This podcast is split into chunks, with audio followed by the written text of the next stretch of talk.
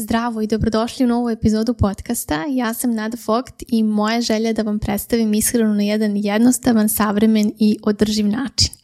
Odmah na početku ove epizode ću vam se izviniti zato što ću možda e, malo zvučati zadihano dok govorim. To je možda bio slučaj sa prethodnim epizodama. Sada trenutno u sedmom mesecu trudnoće nekada e, ne mogu tako lako da onako na svoj način u kontinuitetu govorim, tako da ću se truditi da uh, maksimalno vi to ne čujete i da to ne bude ometajuće, ali eto, samo da vam kažem da uh, možda ćete imati takav utisak kao da uh, sam, ne znam, upravo odradila neki visoko intenzivni trening i sela da vam snimim podcast. Dakle, u ovoj epizodi želim da govorim o food freedom, dakle sloboda ishrane i da govorimo o tome šta to tačno znači i kako se to tačno uspostavlja. Pa evo recimo jedno prvo pitanje. Šta za tebe znači sloboda ishrane ili food freedom? Da li znaš da većina ljudi prvo pomisli na ono tipično jedem kada god, šta god i koliko god, naravno bez bilo kakvog konteksta. Tako da ako si i ti to prvo pomislila, mislim da će ti onda ova epizoda vrlo koristiti i predlažem da ostaneš sa mnom. Upravo tada kada imamo donekle pogrešnu predstavu o nečemu, to nešto i ne može da funkcioniše za nas. To je isto kao i recimo sa primjerom intuitivne ishrane. Većina ljudi nema ideju šta to tačno znači, ali imaju verovanje da to znači jedeš kada hoćeš i koliko hoćeš.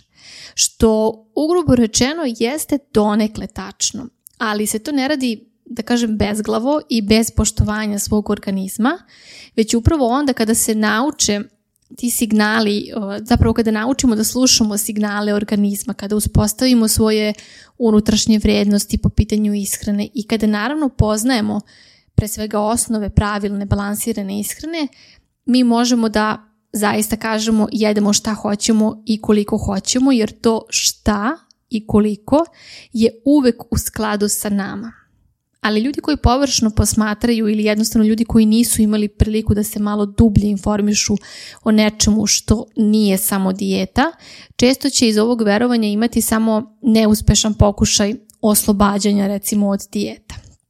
Evo i primjer. Na Instagramu ćete često vidjeti objave poput ma samo jedi šta ti se jede, ma samo jedi kad si gladna, ma samo ovo ili ono.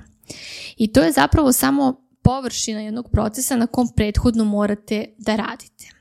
Pa će onda tako neka osoba, čuši samo taj savet, dovesti sebe u situaciju da jede šta god i kad god, bez obraćanja pažnje na one signale i onda će naravno imati neželjene rezultate, bilo po pitanju fizičkog izgleda, to jest neželjene kilaže, ili po pitanju odnosa prema hrani. Dolazi od onog iz restrikcija u drugu krajnost binge epizode i prejedanje. Zbog svega ovoga, jako je važno da pre svega na pravi način razumete određene termine i šta isti tačno podrazumevaju. Ja sam za ovu epizodu dakle odabrala food freedom ili sloboda ishrane i mislim da će vam sigurno biti veoma korisna. Ali pre nego što pređem dalje, želim da vas pozovem da se prijavite za program Rebalance koji je zvanično otvorio vrata u junu mesecu ove godine. To je program koji je prilagođen svima koji žele da rade na redukciji viška telesnih masti, to jest na učenju toga šta je potrebno da bi se određena telesna masa trajno održavala u tom željenom opsegu. Dakle, ovo nije program gdje ćete vi dobiti neki plan ishrane, plan vežbanja i kao da to nešto treba da pratite, pridržavate se, ima i toga, ali ovo je program koji vas vodi kroz proces promjene navika i to ne je nekih univerzalnih navika, već onoga što je vama važno. I onda na taj način i postižete zaista trajne promjene. Ako vam je potrebna pomoć, prijavite se putem linka u opisu ove epizode. Da se vratim na Food Freedom. Mnogi ljudi zamišljaju da je to suprotno od dijeta, u prevodu jedeš, jedeš, jedeš i samo to radiš i onda naravno dolazi do povećanja telesne mase. Onda ljudi dođu do zaključka i kažu pa ovaj food freedom za mene ne funkcioniše, sve što sam radila je da sam samo jela i nisam se na kraju osjećala prijatno. Zamislite recimo, evo primjer elastične gume. na jednoj strani imate dijetu, dakle zabrana, restrikcije, gladovanje, striktna pravila, klasično započinjanje ponedeljkom, počinjete sa puno snage, volje, motivacije, već polako do petka guma puca. Ali isto to se može dogoditi i kada nismo na dijeti. Kada recimo ono kako se kaže skrenemo sa puta. Prejedanje, nula fizičke aktivnosti. I inicijalno deluje ok, kao da je to kao da je recimo tenzija nestala, konačno sloboda sa hranom, ali zapravo tenzija se stvara ponovo, samo u suprotnom smeru, jer ni to nije nešto što čini da se osjećamo dobro i onda to ima neki svoj prekid, zapravo kraj, pa onda se ponovo vraćamo na dijetu i tako se stalno vrtimo između dijete, to jest restrikcije i tog i te preterane opuštenosti.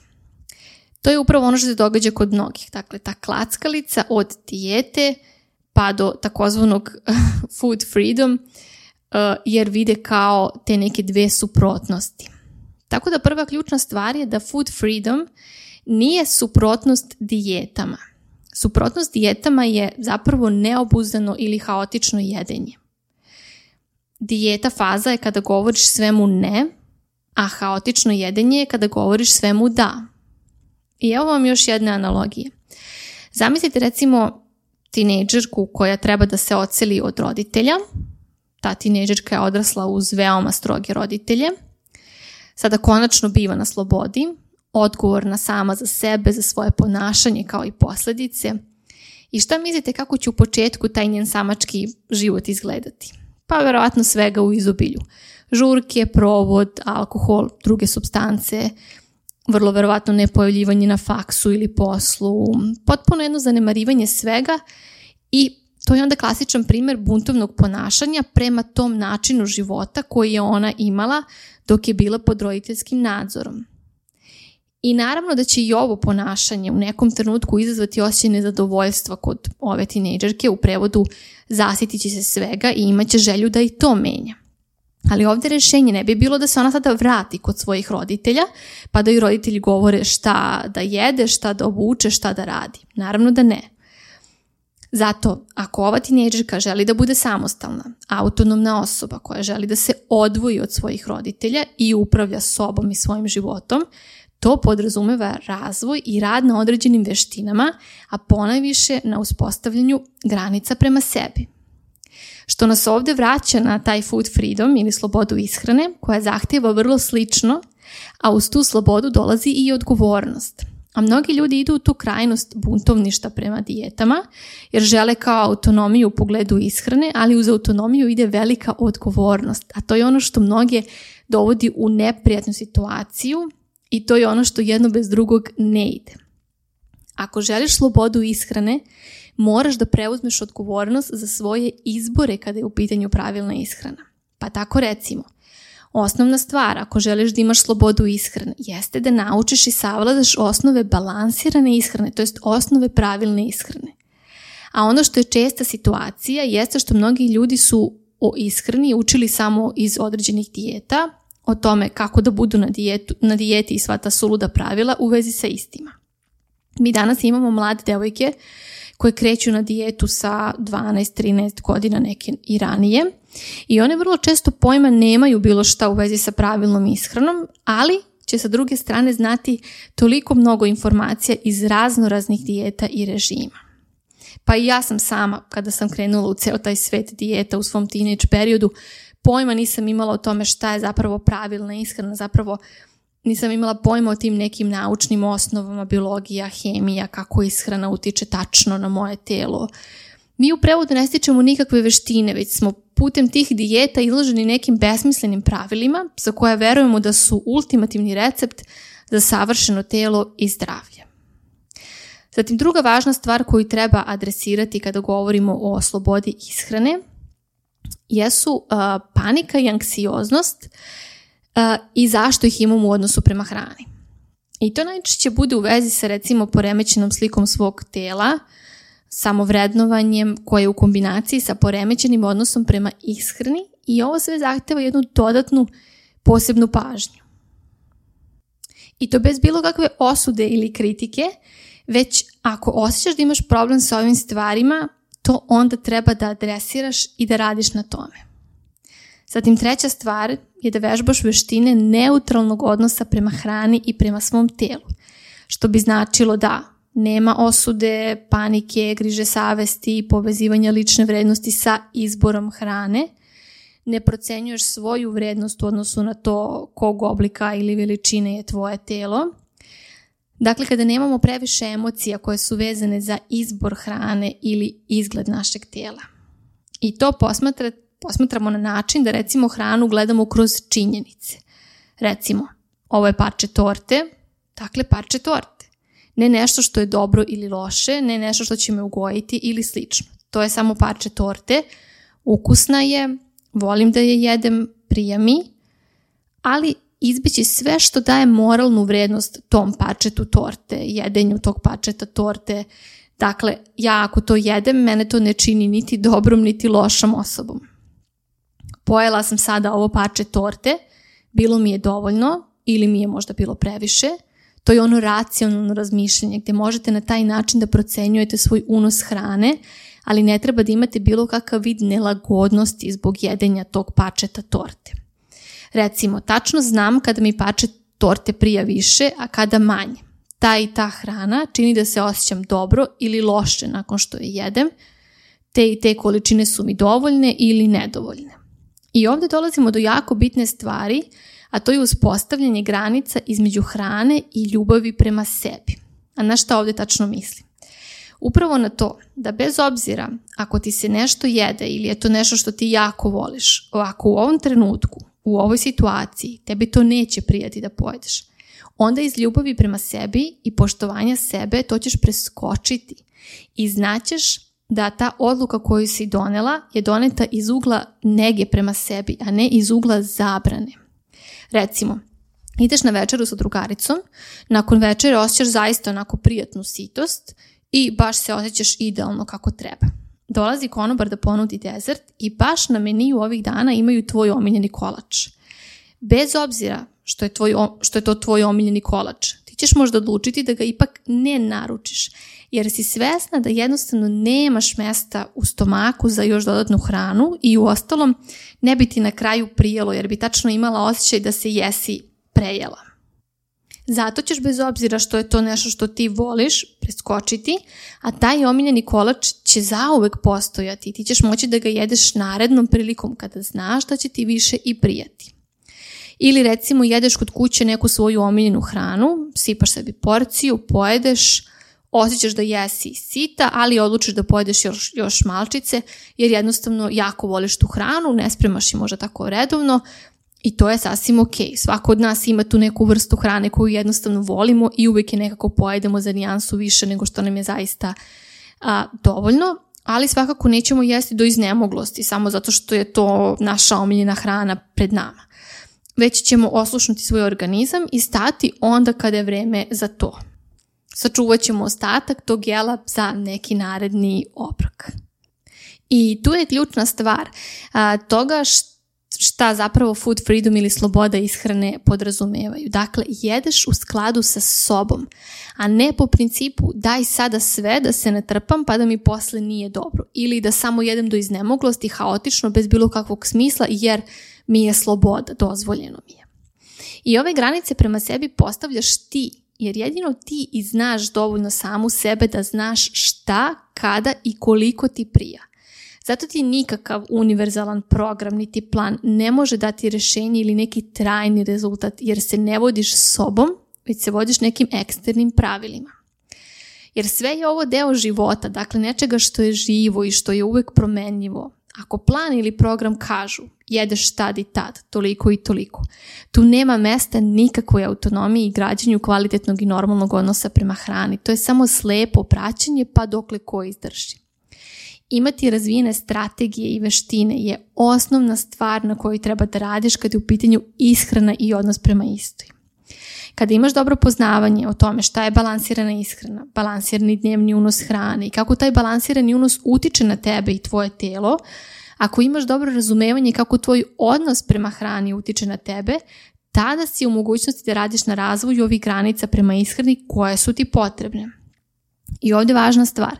Granice nisu pravila, nisu neka striktna zacrtana pravila, već su to neki okviri u kojima ti znaš da se tvoje, kako se tvoje tijelo osjeća najbolje i služe ti kao podsjetnik zašto nešto radiš ili zašto nešto ne radiš. Recimo, kada ti se nekada dogodi da jedeš preko osjećaja sitosti i onda nakon toga dugo imaš osjećaj punog stomaka, nekako se osjećaš i usporenije, ne možeš ni da se napiješ vode i slično da zadovoljiš tu žeć, onda znaš zašto to sljedeći put nećeš uraditi. Znaš da sljedeći put kada to budeš jela, nećeš pojesti toliko jer znaš da ti ne prije taj osjećaj nakon. Ali to možeš da postigneš samo onda kada nemaš zabranu, već kada to radiš iz ugla nege sebe. Ili tačno ne osjećaj kada uveče jedeš tako sve i svašta i onda ujutru kada se probudiš ne osjećaš nikakvu glad i ne prijati to jer više voliš da se probudiš ujutru sa onim onako prijatnim osjećajem gladi, imaš ukusan doručak i lepo započneš svoj dan. Onda kažeš sebi, aha, da, zbog ovoga kako se ujutru osjećam, ne volim da se uveče predam ili da preterujem sa hranom. Jer to je uvek tako, kada nešto želimo da uradimo, uvek pomislite na to kako ću se osjećati nakon toga. Kod hrane to često može biti dobar trik da se ne prejedamo, dok je recimo kod fizičke aktivnosti pak suprotno. Vrlo često nam može biti mrsko da recimo odemo na trening, ali ako stanemo i zapitamo sebe pa kako ću se osjećati nakon treninga, jasno je da će odgovor biti dobro ću se osjećati bolje. I onda je to znak da na trening treba da odemo, bez obzira što nam se možda u ovom trenutku ne ide ili nam samo nedostaje motivacija da se pokrenemo. Dakle, sve ove veštine i strategije koje želite da razvijete u odnosu prema hrani, uspostavljanju slobode ishrane, treba da vam daju mogućnost da hrani kažete kako da, tako i ne. Što ako uvijek kažeš da ili ako uvijek kažeš ne, to nije autonomija, to je neko pravilo kojim se vodiš. Jer ne može uvijek da bude da ili da uvijek bude ne. Nekada je da, a nekada ne, u zavisnosti od konteksta i same situacije. Dakle, da sumiramo. Ako želiš da imaš slobodu ishrane, evo kako otprilike taj proces treba da izgleda. Za početak oslobađanje od dijeta mindseta, ali opet, sa druge strane, ako si ti neko ko je zarobljen u svim tim silnim dijetama, to je kao ona tineđerka uz veoma stroge roditelje, dijete koje je tako odrasla, odrasta, ne pravi mnogo odluka za sebe, jer to sve rade roditelji. A isto tako i sa dijetama ili planovima ishrane koje uzimate od nutricionista. Tu se tu se postavlja tako, nema šta ti da misliš, jer dobiješ set pravila, jedeš tad i tad, toliko i toliko, dobiješ i šta tačno jedeš, niko te ne pita kako se osjećaš ili ako te pita, odgovor je uvek pa mora tako, moraš da se mučiš, inače smršati nećeš. Uopšte ne postavimo pitanje poput hej, da li je ovo dobro za mene, da li meni ovo prija, jel gradim putem ovoga neki odnos prema ishrani koji će mi sutra koristiti, da li učim nešto, da li učim nešto o osnovama pravilne izbalansirane ishrane? Da li bih mogla da nastavim sama nakon ovoga? I tako dalje. Ovo je sve ono što možeš da naučiš u mom programu Rebalans koji je koncipiran tako da te kroz vrlo dobro strukturiran sadržaj vodi korak po korak kroz ovo oslobađanje od dijeta i dalje na put izgradnje navika, a pre svega da je sve u skladu sa tobom. Dakle, učim te kako da to radiš sama. Sloboda ishrane je sposobnost da kažeš da ili ne hrani i podrazumeva građanje poverenja u sebe i svoje signale.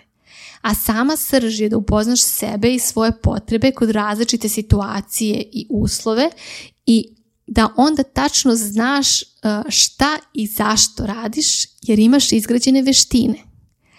Tako da ako ti koji ovo slušaš probala si recimo food freedom ili slobodu ishrane, ali imaš utisak da to kod tebe baš i ne funkcioniše. Možda to i nije food freedom u pravom smislu. I zato možda i dalje imaš sklonost ka verovanju da je ipak restrikcija ili dijeta za tebe jedino rješenje. Ništa ne brini, to je sasvim normalno da tako i misliš, zato i slušaš ovu epizodu, ali znaj da to sve može da se promeni uz naravno dobru strategiju i dobro vođenje kroz taj ceo proces. Hvala ti na pažnji i čujemo se u narednoj epizodi.